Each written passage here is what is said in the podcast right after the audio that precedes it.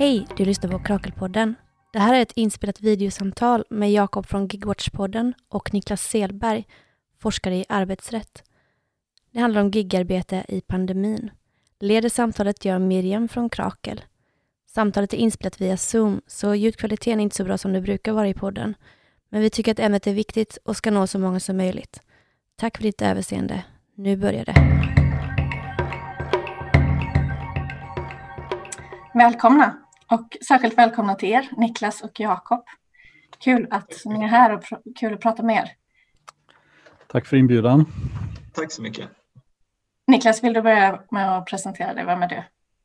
Eh, Jag heter Niklas Selberg. Jag forskar och undervisar i bland annat arbetsrätt eh, på juristprogrammet eh, vid Lunds universitet. Jag heter Jakob Lundberg och jag är medlem i Gigwatch. Vi är ett initiativ som granskar gigekonomi. Mm. Vad, vad spännande det ska bli att få prata om gigekonomin och särskilt nu kopplingen till pandemin med er. Eh, börja med att fråga hur ni själva har det i pandemin. Hur, hur har du det, Jakob? Eh, Jo, men jag har faktiskt eh, det är helt okej. Eh, eh, Jag har, eh, det är lite tråkigt att inte få träffa så mycket folk men man har mycket tid att sitta och läsa böcker. Mm. Känner du likadant, Niklas?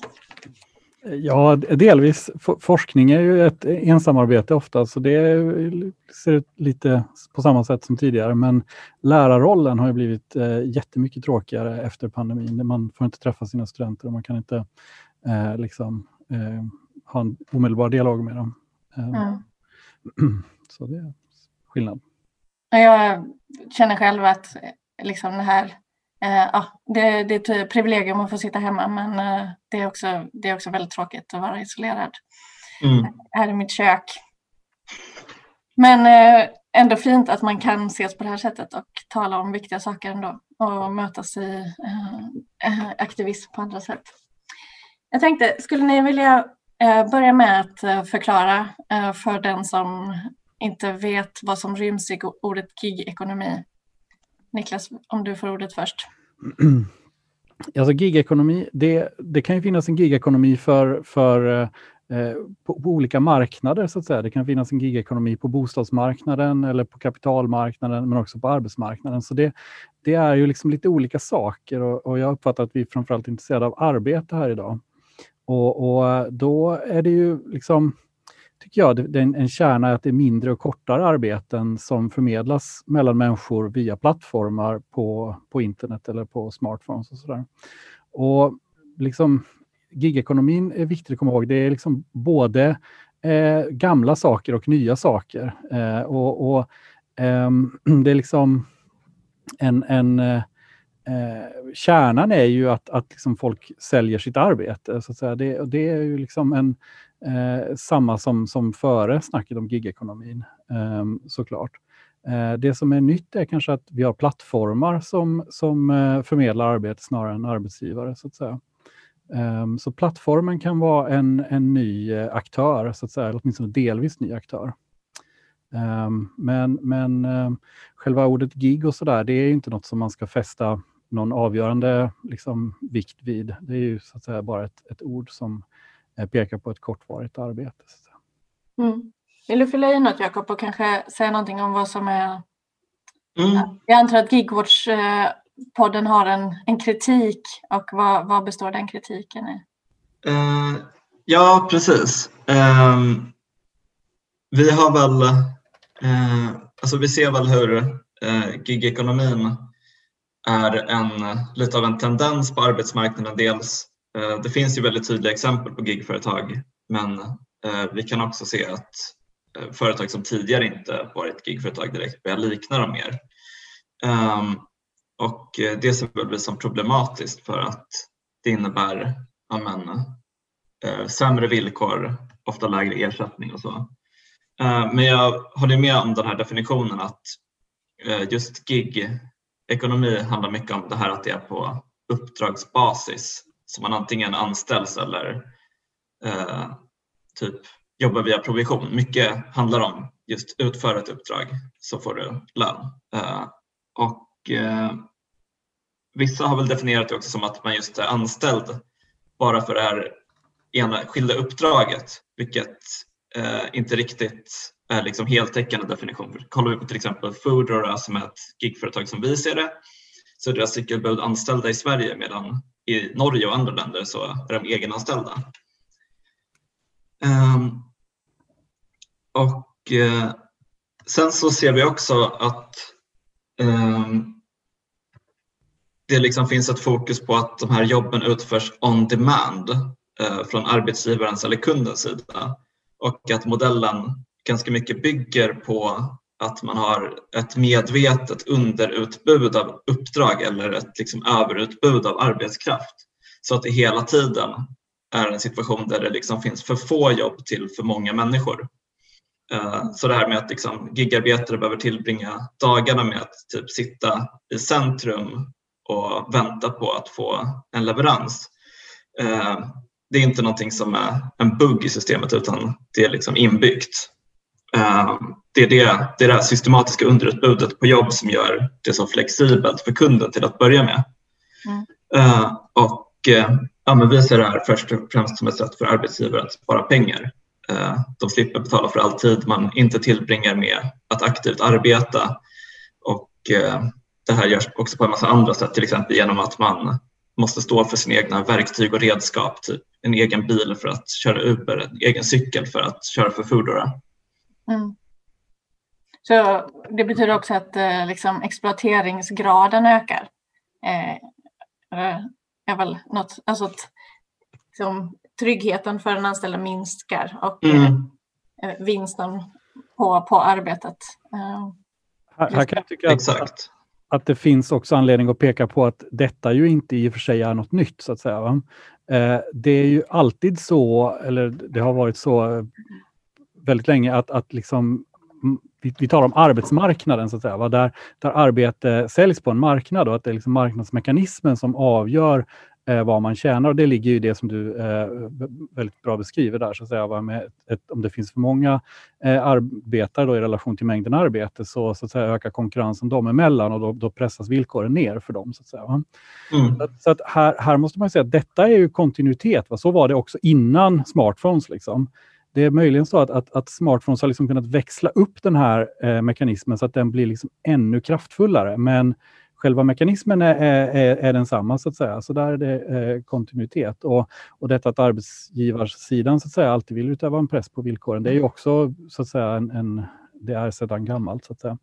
Mm. Eh, och Det som är lite nytt är nog möjligen det här med plattformen, att, att det, Eh, istället för att ha en liksom stabil arbetsgivare som man liksom går till på något sätt, så, så är det så att plattformen mera ordnar så att utbud och efterfrågan av arbete liksom lite, lite mera omedelbart möts. Så att säga. Att, att um, man, man gör inte så mycket mer än att organisera det här mötet. Så att säga. Sen så är ju det en empirisk fråga vad, man, vad de här plattformarna gör. Och, och eh, Det har man väl kunnat se att de gör ganska mycket. De påverkar den här transaktionen ganska mycket och, och mm. de gör olika utfästelser till kunden så att säga att eh, om du åker i en Uberbil så ska det vara på ett visst sätt eller om du beställer mat via Foodora så ska det gå till på olika sätt. Och då motsvaras ju det alltid av så att säga plattformens åtagande till kunden måste alltid motsvaras av en liksom ja, ett ansvarstagande, en maktposition i relation till de som utför arbetet. Och då är vi tillbaka i att man beter sig ganska mycket som en vanlig arbetsgivare. Så att säga. Och då mm. är, om, man, om man utövar makt så är det också rimligt att man så att säga, bär ansvar för, för arbetskraften. Så tänker vi i arbetsrätten. Då, så, att säga. Mm. Um, så, uh, så återigen, lite nytt och lite gammalt. Mm. Ganska mycket gammalt om man ska vara ärlig. Fast mm. smartphones. Och mindre ansvar för arbetsgivaren som alltså, det generellt är strukturerat? Alltså, skulle du säga att det är mindre ansvar? Eh, som... Nej, jag skulle säga att det är, det är enklare att organisera eh, den här som du nämner som eh, vid behovsanställning med telefoner och smartphones. Så att säga. Det, det, går att liksom fixa det rent praktiskt enklare och därför så gör man det. Så att säga. Mm. Um, så, så, att man kan, kan ordna så att man bara får betalt precis för de minuterna som ens arbetskraft används. Så att säga. Mm. Det var att göra tidigare. Man var anställd från dag till annan eller från timme till annan, men det är mycket mer praktiskt enklare med, med, med tekniken. Så, så, här ser vi ett samspel mellan liksom ett, ett arbetsgivarönskemål, en tendens och så att säga, teknikutvecklingen. Då. Um. Men eh, det eh, har ju varit en hel del fokus på gigarbete den här hösten och också har vi fått höra att gigarbetet har ökat väldigt mycket i pandemin. Hur ser ni på hur liksom pandemin Eh, hjälper till att växla upp det här sättet att organisera arbete på? Eh, eh, jag skulle säga att man kan se två viktiga saker som hänt under pandemin. Eller det finns såklart väldigt många viktiga saker som har hänt, men just i fråga om gigarbete. Dels har vi sett en ökad efterfrågan på olika typer av hemleveranser i och med att människor, och ofta då människor med relativt högavlönade jobb, eh, i högre grad har då isolerat sig i sina hem så man beställer en matkasse istället för att gå till affären. Man beställer en pizza från Foodora istället för att gå till pizzerian. Eh, man köper saker på nätet istället för att gå till Mall of Scandinavia eller Emporia. Eller. Ehm, och samtidigt så har vi också sett att en massa människor har sparkats från sina jobb inom till exempel hotell och restaurang, olika typer av evenemang och så vidare. Eh, och de här människorna är ju också tvungna att hitta sätt att försörja sig. Och för den som redan har en cykel eller moped så kan typ Uber Eats eller Foodra erbjuda en ganska snabb tillgång till åtminstone någon typ av inkomst. Eh, så jag tror att den här kombinationen av högavlönade som sitter hemma och nätshoppar eh, och en växande pool av arbetslösa har inneburit ett gyllene tillfälle för de här gigföretagen på många sätt. Mm. Nej, jag, jag, håller med verkligen om den bilden. Så att säga. Många har blivit av med jobbet och många vill ha mer hemkört. Så att säga. Det är en eh, omedelbar eh, liksom närvarande effekt. Så att säga. Jag tror att precis innan så att säga, pandemin så kunde man också se, eller några år innan, att, att det fanns en del hur ska man uttrycka det, liksom sys sysslolöst finanskapital så att säga, som kunde användas för att pumpas in i olika eh, transportföretag, Uber och sådär, framförallt, att, att liksom man kunde använda Eh, de pengarna för att utveckla, eh, så att säga, man, man, fick, man, man, kunde låna dem ganska lätt och så kunde man använda dem för att utveckla de här algoritmerna så att säga, och starta de här företagen och också så att säga, tolerera att de gick med förlust under eh, långa perioder. Och många gör det fortfarande. Så att, säga. Eh, så att, så att, att det fanns eh, finans, villigt finanskapital så att säga, är en viktig bakgrundsfaktor och sen att det då också innan arbetslösheten som följde av, av pandemin så att säga, fanns ett, ett liksom strukturellt överutbud på arbetskraft. Då, och här i liksom nord, nord, nordvästvärlden så är det också en, liksom en, en delvis en följd av den så kallade flyktingkrisen. Då, liksom 2015 års eh, så att säga, eh, migrations eh, mönster så, så, som har skapat en, en, eh, en, en stor grupp arbetstagare, liksom personer som behöver försörja sig till och har svårt att ta sig in på den, den liksom reguljära arbetsmarknaden som är hänvisade till de här jobben. Mm. Så det började för några år sedan och sen så har detta då, så att säga, eh, accentuerats. Då. Så det är gynnsamma förutsättningar för en, för en gigekonomi. Eh, samtidigt... Förlåt. Jag fortsätter. Eh, nej, jag skulle liksom också peka på att det, det, det verkar ju som att en del i liksom ändå de som har råd att få mat hemkörd, även de har, kan uppfatta att de inte vill betala så himla mycket för att de kan också ha en pressad ekonomi. Alltså man vill inte betala mer än en 40-50 kronor för, för liksom pizza som man, man får, eller för hemkörningen av, en, av, av mat. Liksom. Så att, eh, eh det, det, jag tappade tråden, eh, Miriam. vi, vi, klipper bort det. Eh, jag vet inte vad jag skulle komma till. Jag ska inte tycka synd om medelklassen sådär i onödan. Ja. Nu får du lova att klippa bort det, annars så sitter ja, men, jag och eh, klagar på medelklassen i tv. Sorry. Mm. Nej, nej, men det är väl en viktig, är det inte ändå en viktig aspekt att eh, den här typen av arbete hade inte kunnat finnas ifall det hade varit eh, schyssta villkor i det. Därför att då hade inte särskilt många varit beredda att eh, betala för det. Eller kanske kunnat betala för det. Nej. Uh, och man kan väl också se typ att uh, alltså, även för till exempel restauranger så är gigekonomin ofta en dålig deal. Uh, typ många restauranger går knappt runt för att de nu tappade jag tråden också lite. Jag kommer nog tillbaka till det sen.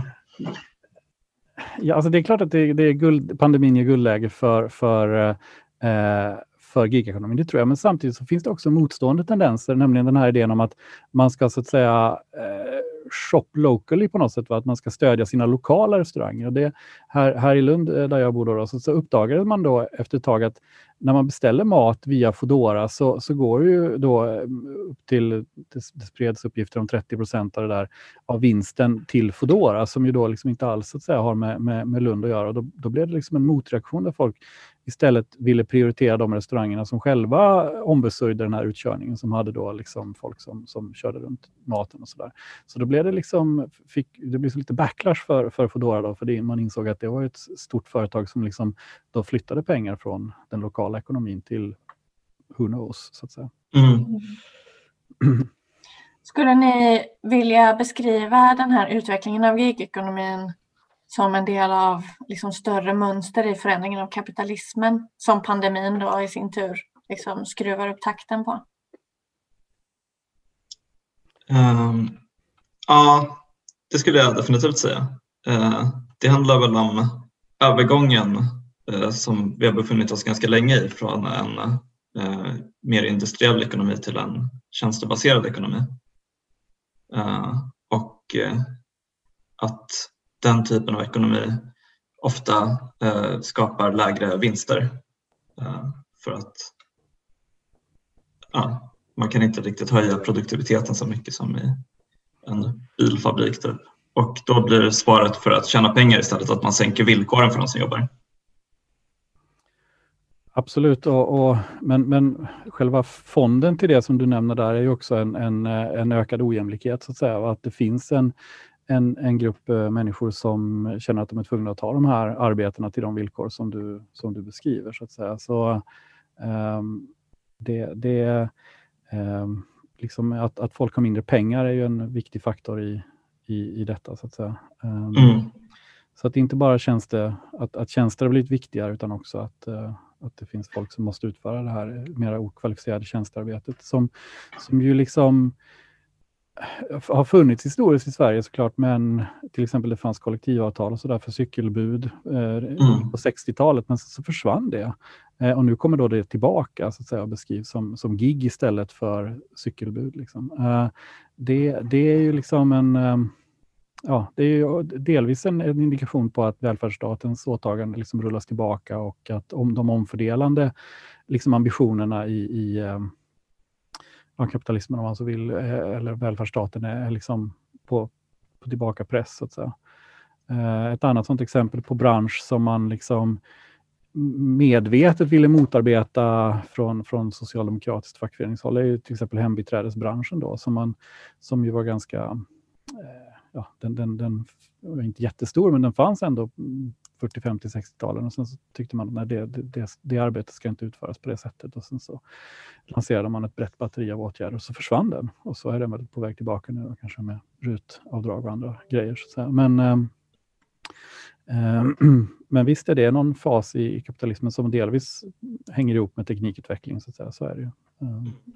Jag tänker att pandemin också tydliggör en eh, bild av ett förändrat klassamhälle som ju finns där sedan innan men, men, men pandemin sätter fingret på det. Att, eh, medelklassen sitter tryggt inborgad i sina hem och däremellan springer en rasifierad arbetarklass och, och lämnar saker.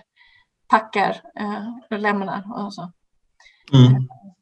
Nej, absolut. Det, det, så är det ju. Och sen om man ska försöka vara Eh, optimist, det är inte min starkaste sida, det ska jag erkänna. Men, men liksom man kan ändå försöka peka på att liksom, det, det, det finns ju en, ändå en ny syn på vad som är ett viktigt arbete. Så där, för jag tror nog ändå medelklassen är glad att någon springer med de där grejerna mellan sig. Va? Så att om man kan, här finns en möjlighet att, att gå vidare med det. Så att säga. Så att det här är mm. eh, liksom, eh, ett, ett livsuppehållande värd, arbete som då är värdefullt liksom, och som ska avlönas på det sättet också. Så att säga. Um, Sen så kan man väl säga att, att liksom, samspelet mellan offentlig sektor och, och privat sektor är väldigt tydligt också. Va? Att eh, vi kan inte arbeta om inte barnen är på dagis och sådär. Och, eh, eh, det, det, och sen den, den, den, på något sätt ja, insikt som finns är att liksom sam, med pandemin just så är det ju så att samhället är inte starkare än, än den svagaste länken på något sätt. Så här finns ju guldläge för att, att politisera de här sakerna till, till ett nytt liksom, eh, Eh, ja, samhället på något sätt. Så att säga. Eh, som mera tar, tar och sätter de här människorna i centrum för uppmärksamheten och, och skapar reglering utifrån dem. Så att säga. Eh, kan man hoppas. Men, mm. Men en annan tendens, om jag då eh, inte ska vara lika optimistisk, det är ju att, att det här eh, sättet att organisera arbete där vi alla jobbar på varsitt håll, eh, alltså det som är också utmärkande för, för gigget, att man inte träffar kollegor, man har ingen bestämd arbetsplats och så, det, det sprider sig ju också i många fler eh, yrken. Det är mm. ju liksom Ehm, ett, grundregeln för oss alla nu, att vi ska sitta separerade och avskilda och så.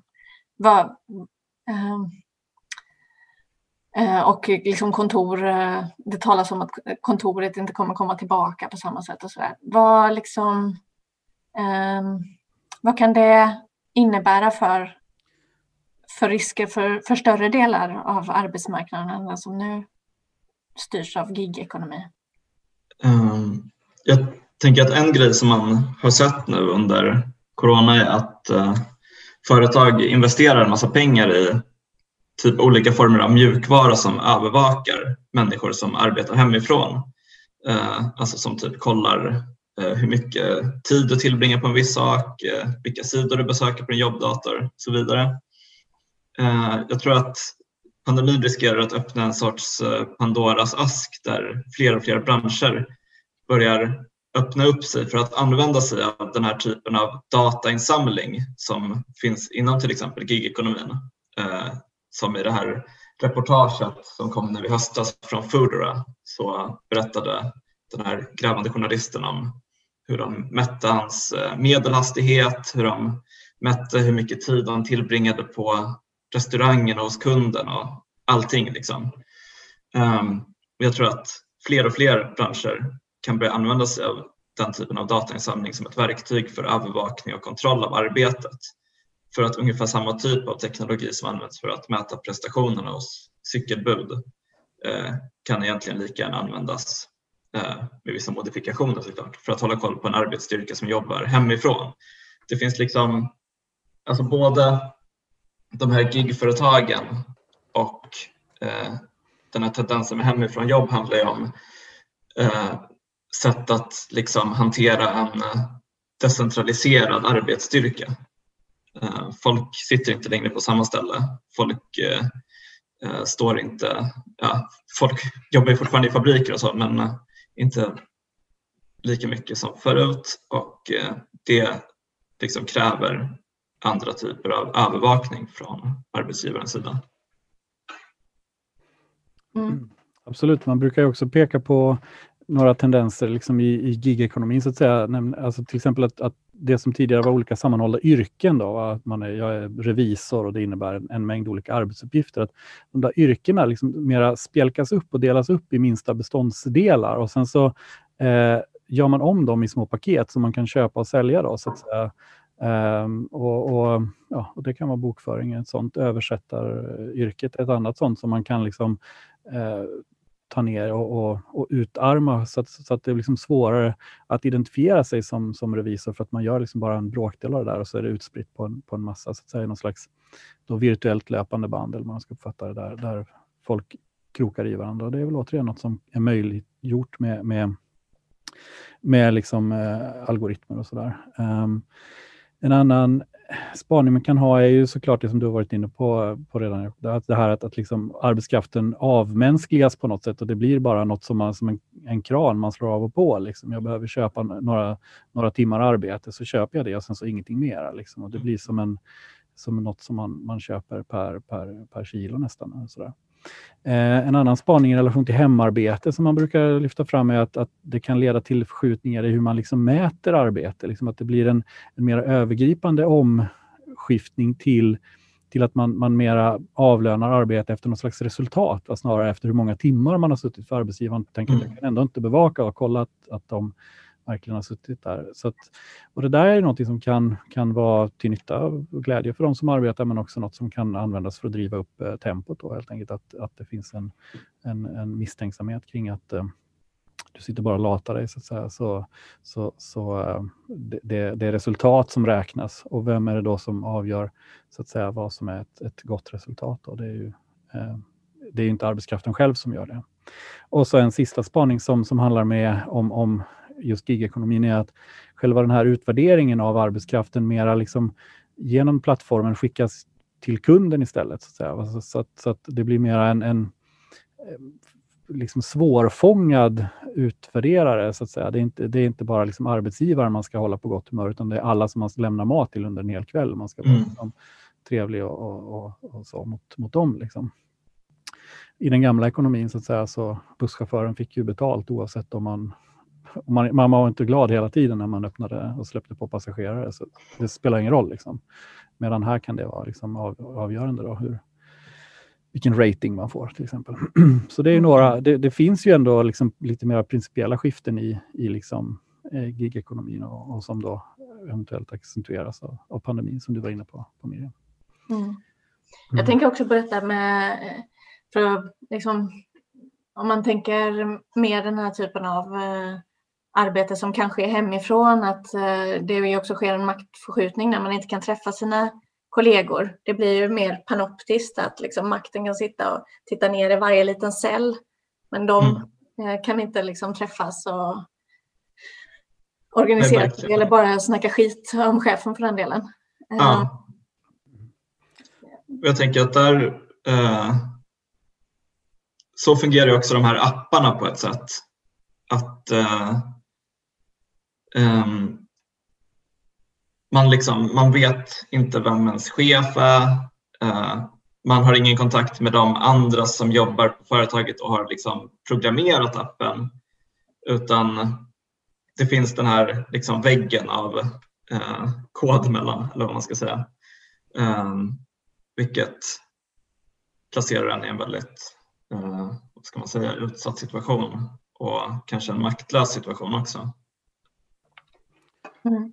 Så är det. Jag menar, historiskt har ju liksom arbetsplatsen eller till och med så att säga då, liksom fabriksgrindarna då, där, där skiften, eh, det ena skiftet går hem och det andra går dit. Liksom. Det är där som liksom den här eh, idén om arbetarrörelsen har liksom fått fäste och, och, fått styrka på något vis. Och det blir ju svårare om alla sitter, eh, sitter hemma. Så, så helt klart eh, är det ju så. Um, och, eh, men framförallt så är det väl alltså den här teknologins roll i gigekonomin är ju framför allt att liksom expandera arbetskraftsutbudet och, och liksom bortkoppla arbetsmarknaden från en plats. Så att säga? Så att, eh, till exempel översättare ska konkurrera med översättare inte bara i Stockholm, Malmö, Sverige utan i hela världen. och så där, Att, att det mm. är i sig någonting som, som eh, kan ja, det, det, skapar en konkurrenssituation mellan olika anställda. Då. För liksom, det är inte bara det att man övervakas i sin eh, liksom tillsvidareanställning som är trygg och, och, fin, utan man övervakas i anställningar som är liksom tio minuter i stöten och då blir det mycket, mycket värre. Så att säga. Mm. Det är en sak, så att vi får hålla, hålla isär. Liksom. Det är dels då, så att säga, som mitt yrke som kan göras hemifrån och, och där det inte skulle vara hela världen. Liksom. Men, men så att säga, om man är anställd fem minuter i taget, då, då är det ju mycket värre så att, säga, att, eh, att omfattas av det här. Så återigen, samma mekanism, liksom, marknadsmekanismen så att säga, i, i hur, hur värdet eh, på arbetet bestäms, liksom, den, det, den kanske då förstärks av, av gigekonomin och pandemin. Mm. Det blir mer obekvämt för mig och brutalt för någon annan. Mm, precis. Mm. Men hur, eh, man kan konstatera då att, eh, att det blir svårare kanske att organisera sig, men hur kan man möjliggöra organisering och, och liksom motstånd mot det här systemet i, i den situation som uppstår nu? Ehm, jag skulle säga att det är ganska lätt att få bilden att de som jobbar inom gigekonomin är liksom helt atomiserade, eh, att man inte har någon kontakt med andra. Men jag tror att det man kan se är att eh, folk faktiskt ändå söker kontakt med sina kollegor och folk i liknande yrken och branscher. Ehm, jag vet eh, vi i Gigwatch pratade med en eh, Uber-förare från Kalifornien som var aktiv med att organisera folk där för att ja, driva frågan om ifall de skulle vara anställda eller egenanställda som de var i det tillfället. Eh, och han berättade att de hade i det arbetet eh, hittat en massa olika grupper där Uberförare pratade med varandra. Inte alltid om liksom, politiska frågor och om sin anställningsstatus utan ofta om kanske mer praktiska saker. Eh, som typ, ja, men vad är den bästa vägen mellan där och där? Eh, och de hade gått in i de grupperna då och eh, eh liksom fått ut sitt ord om vad de höll på med. Uh, och, uh, ja, men så jag tror att det finns liksom, den typen av forum finns på många ställen. Uh, så det finns någon typ av organisering och kontakt mellan folk som arbetar inom de här företagen. Um, och ja. Mm, vad tänker du Niklas? Ja, nej men alltså det, alltså teknik, eller vad ska man säga, eh, makt på arbetstagarsidan förutsätter ju att man samordnar sitt agerande. Liksom. Och, och så att säga, Det är ju det som i någon mening eh, arbetsgivarsidan då kan använda tekniken till. Då menar jag att, att egentligen så borde ju fackföreningarna kunna använda, kunna använda modern teknik och appar för att, så att säga, koordinera sig på ett motsvarande sätt. Eh, eh, det, det finns ju inget som eh, hindrar det. så att säga. Mm. Um, och jag menar, jag, jag, min bild är att de här eh, riders och, och, så att säga vad de nu, runners och de heter olika saker, att de minsann vet sitt värde så att säga. Att de, de tycker att det här arbetet de utför är liksom viktigt och, eh, eh och, och värt eh, en, en liksom eh, rimlig ersättning. Och, att, och jag tror också att de vet att, att liksom ensam är inte stark, så att säga. Att det blir väldigt tydligt för, för dem. Alltså att egentligen borde det nog finnas en ganska god grogrund för att eh, liksom, lansera olika liksom, organisationskampanjer. Det, det är mest praktiska problem att eh, arbetskraften är utspridd och att de kanske inte pratar svenska och att de är unga och hit och dit. Va? Det är mm. visst svåra problem, men, men det är nog bara att sätta igång ändå. Det finns inget rättsligt till exempel som hindrar att man skulle organisera dem eller ja, någonting. Mm. Sen är också eh, en, det finns väl också en aspekt eh, i det som är att man kanske måste söka lite nya metoder för att eh, göra motstånd mot gigekonomin. Om man ser till exempel på möjligheten att strejka. Eh, de här företagen bygger som sagt på en modell där det finns för få jobb till för många människor. Eh, om folk strejkar när man inte får med sig hela arbetsstyrkan så är det ganska lätt för företaget att liksom fylla upp alla uppdrag från den här stora poolen av tillgänglig arbetskraft. Dessutom, alla de här företagen går ju redan med förlust så eh, de kan väl täcka några dagar av strejk med alla sina investerarmiljarder. Um, men jag tycker att man också har kunnat se nya former av motstånd mot gigekonomin eller länkat till gigekonomin. Uh, till exempel så såg man nu i somras uh, en så massiv koordinerad strejk i Sydamerika. Eh, det var gigarbetare i bland annat Brasilien, Mexiko och Chile som strejkade på samma dag. Eh, och det var folk från alla möjliga företag. Eh, de riktade inte in sig på just en specifik arbetsgivare utan de ställde krav på både företag och på regeringar. Man blockerade också infrastrukturen, broar och vägar tillsammans med alla möjliga människor. Det var fackligt aktiva, det var studenter och fotbollsfans. Och, eh, man kunde verkligen se hur det bildades på något sätt nya allianser mellan dels de människor som redan befinner sig inom gigekonomin och även de som vet att de snart kan komma att göra det.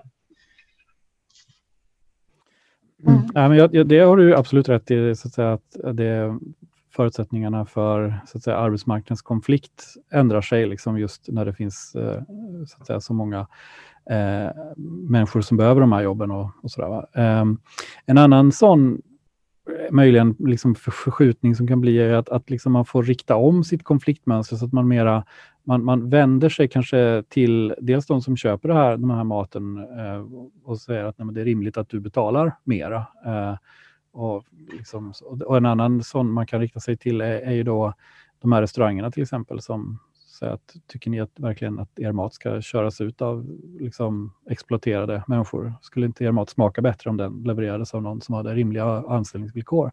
Och på det viset liksom få, få bygga allianser. Och en annan allians som är möjligen mer diskutabel är att man försöker liksom lägga upp en, en allians med liksom de existerande företagen då, så att säga, som, som drabbas av konkurrens från de, de nya appföretagen som så att säga, kan sänka sina kostnader genom att, så att säga, då, i någon mening ta sig, ur, ta sig runt eh, olika skyddsregler och sådär. Um, ehm, så, så det är möjligt att det liksom, gigekonomin driver fram liksom, lite nya sätt att, eh, att bedriva konflikt kring arbetets värde, så att säga, där man mer riktar sig mot kunder, den här tredje parten, restaurangen eh, och, eh, och i någon mening då de gamla företagen.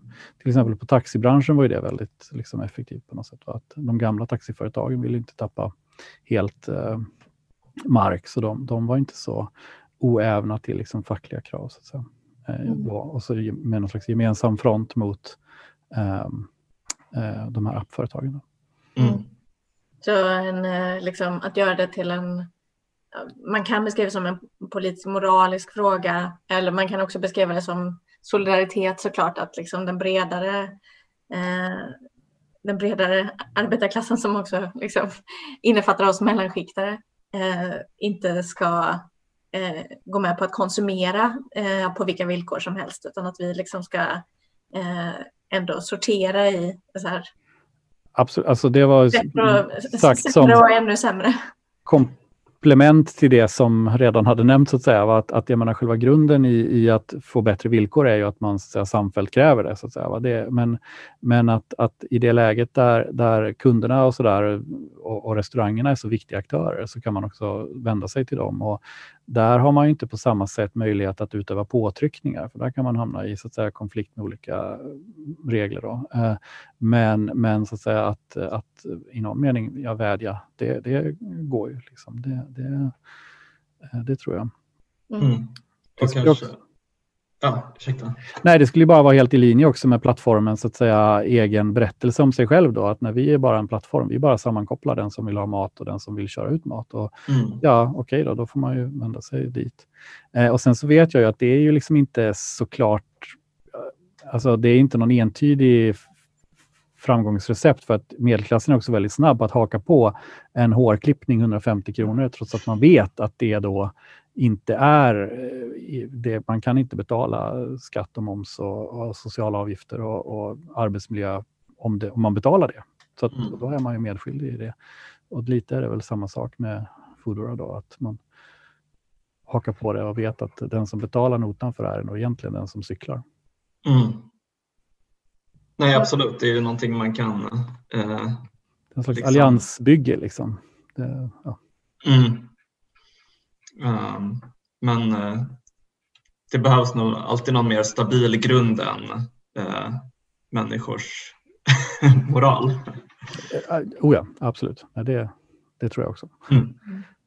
Men, men jag tänker att det kan bildas en solidaritet av medvetenheten att det här är en rörelse på arbetsmarknaden som vi alla är en del av. Mm.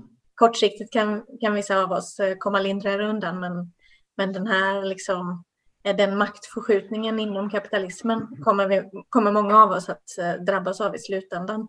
Därför mm. vi liksom... Eh...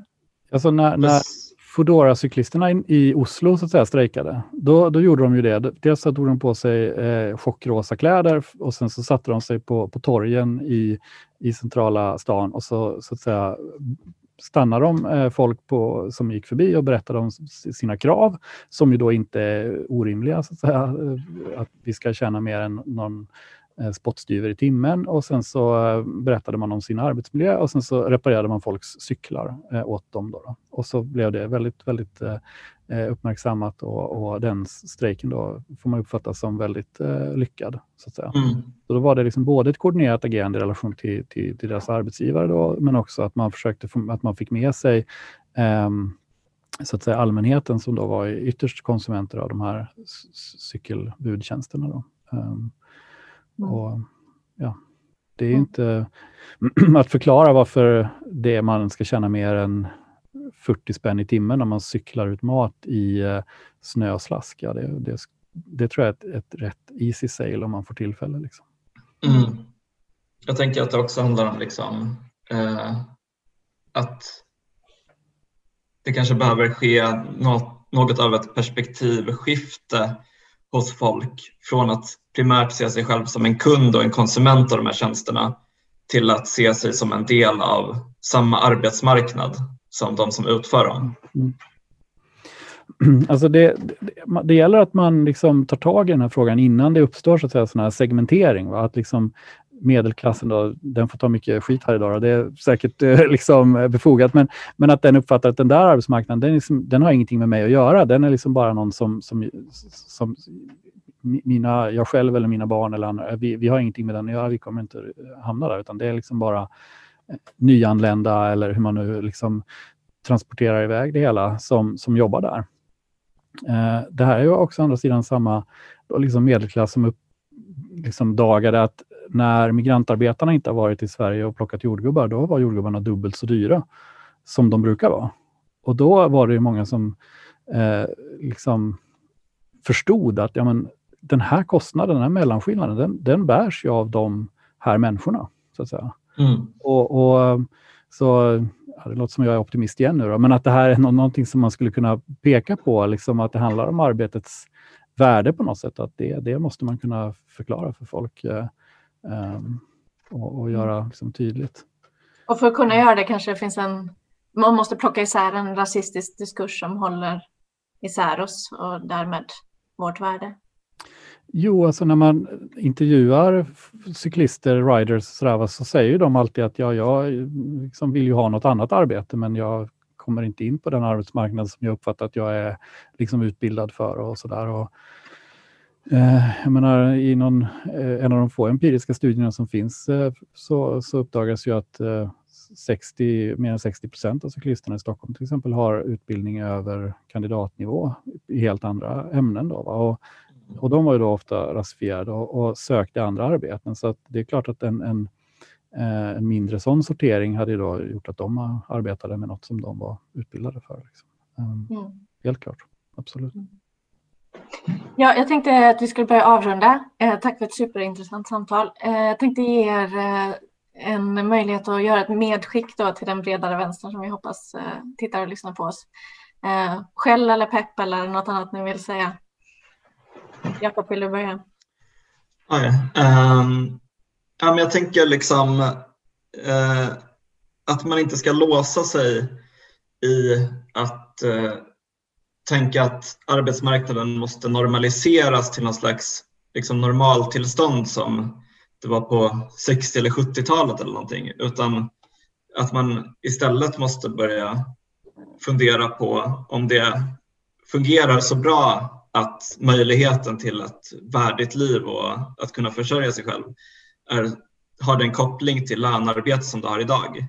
Eh, de här gigföretagen livnär sig på människors desperation och eh, jag tror att ett effektivt sätt att minska deras makt, som såklart också kräver en maktansträngning från vänsterns sida, är genom att man kämpar för till exempel sänkta hyror, eh, lägre kostnader för sjukvård, lägre kollektivtrafiksavgifter eh, för att skapa någon slags handlingsutrymme och en frihet att säga nej till den här typen av jobb med dåliga villkor och låga löner. Mm. Solidaritet och välfärd. Mm. Ja, något sånt. Niklas? Ja, jag instämmer mycket i det som har sagts redan och jag har ju sagt en del saker redan, men, men jag tror att man ska försöka se på det här som ett tillfälle att förklara liksom vad som händer om vi inte har regler på arbetsmarknaden i någon mening. Att det här är liksom inte en överraskande effekt av, av någonting eh, som vi kan vara tänka oj vad konstigt att det blev så här, utan det är, det är så att säga en, en, en påräknelig logisk effekt av, av liksom, eh, eh, marknadsmekanismens så att säga då, verkan på eh, mänskligt arbete och att, att eh, här har vi nog ett ganska bra läge att pedagogiskt förklara varför det är rimligt att mänskligt arbete inte lyder under samma marknadsmekanism som, som priset på, på grejer, eh, döda ting. Liksom. Så. Um, så jag tycker man ska försöka föra en, ett sådant samtal eh, och koppla det till ett samtal om arbetets värde, så att säga, idag. Eh, det är liksom helt ologiskt att säga att det är så farligt att gå utanför dörren, men jag är inte beredd att betala mer än 50 kronor för någon som gör det åt mig, så att säga. Eh, där, där finns en liksom, kognitiv dissonans som man måste kunna ta tag i. Liksom. Eh, och, eh, avslutningsvis så vill jag då verkligen varna för att liksom man, man kan inte lägga upp det här som en det var bättre förr eh, approach, för det är liksom det är skönt att beställa pizza på telefonen. Liksom. Och det måste gå att sammankoppla det med att arbetsvillkoren är bra. så att säga. Och, um, så, så liksom, eh, arbetsgivare har mycket att lära av liksom, positiva aspekter av, av liksom teknikutvecklingen och fackföreningarna har det också. Så att säga. Så mm. att eh, man kan eh, använda tekniken utan att behöva känna att man är del i ett exploaterande eh, eh, arbetsmönster. Mm. Det är inte tekniken som är problemet utan det kapitalistiska produktionssättet eller fördelningen av arbetet.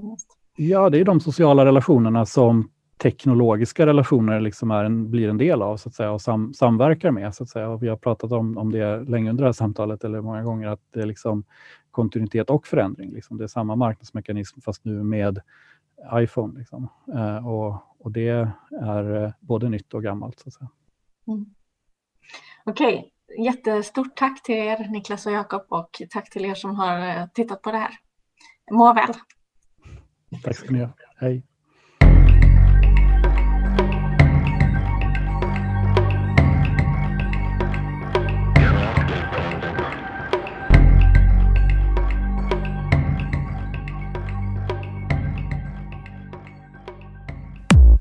Du har lyssnat på en podcast som görs i samarbete med ABF Malmö.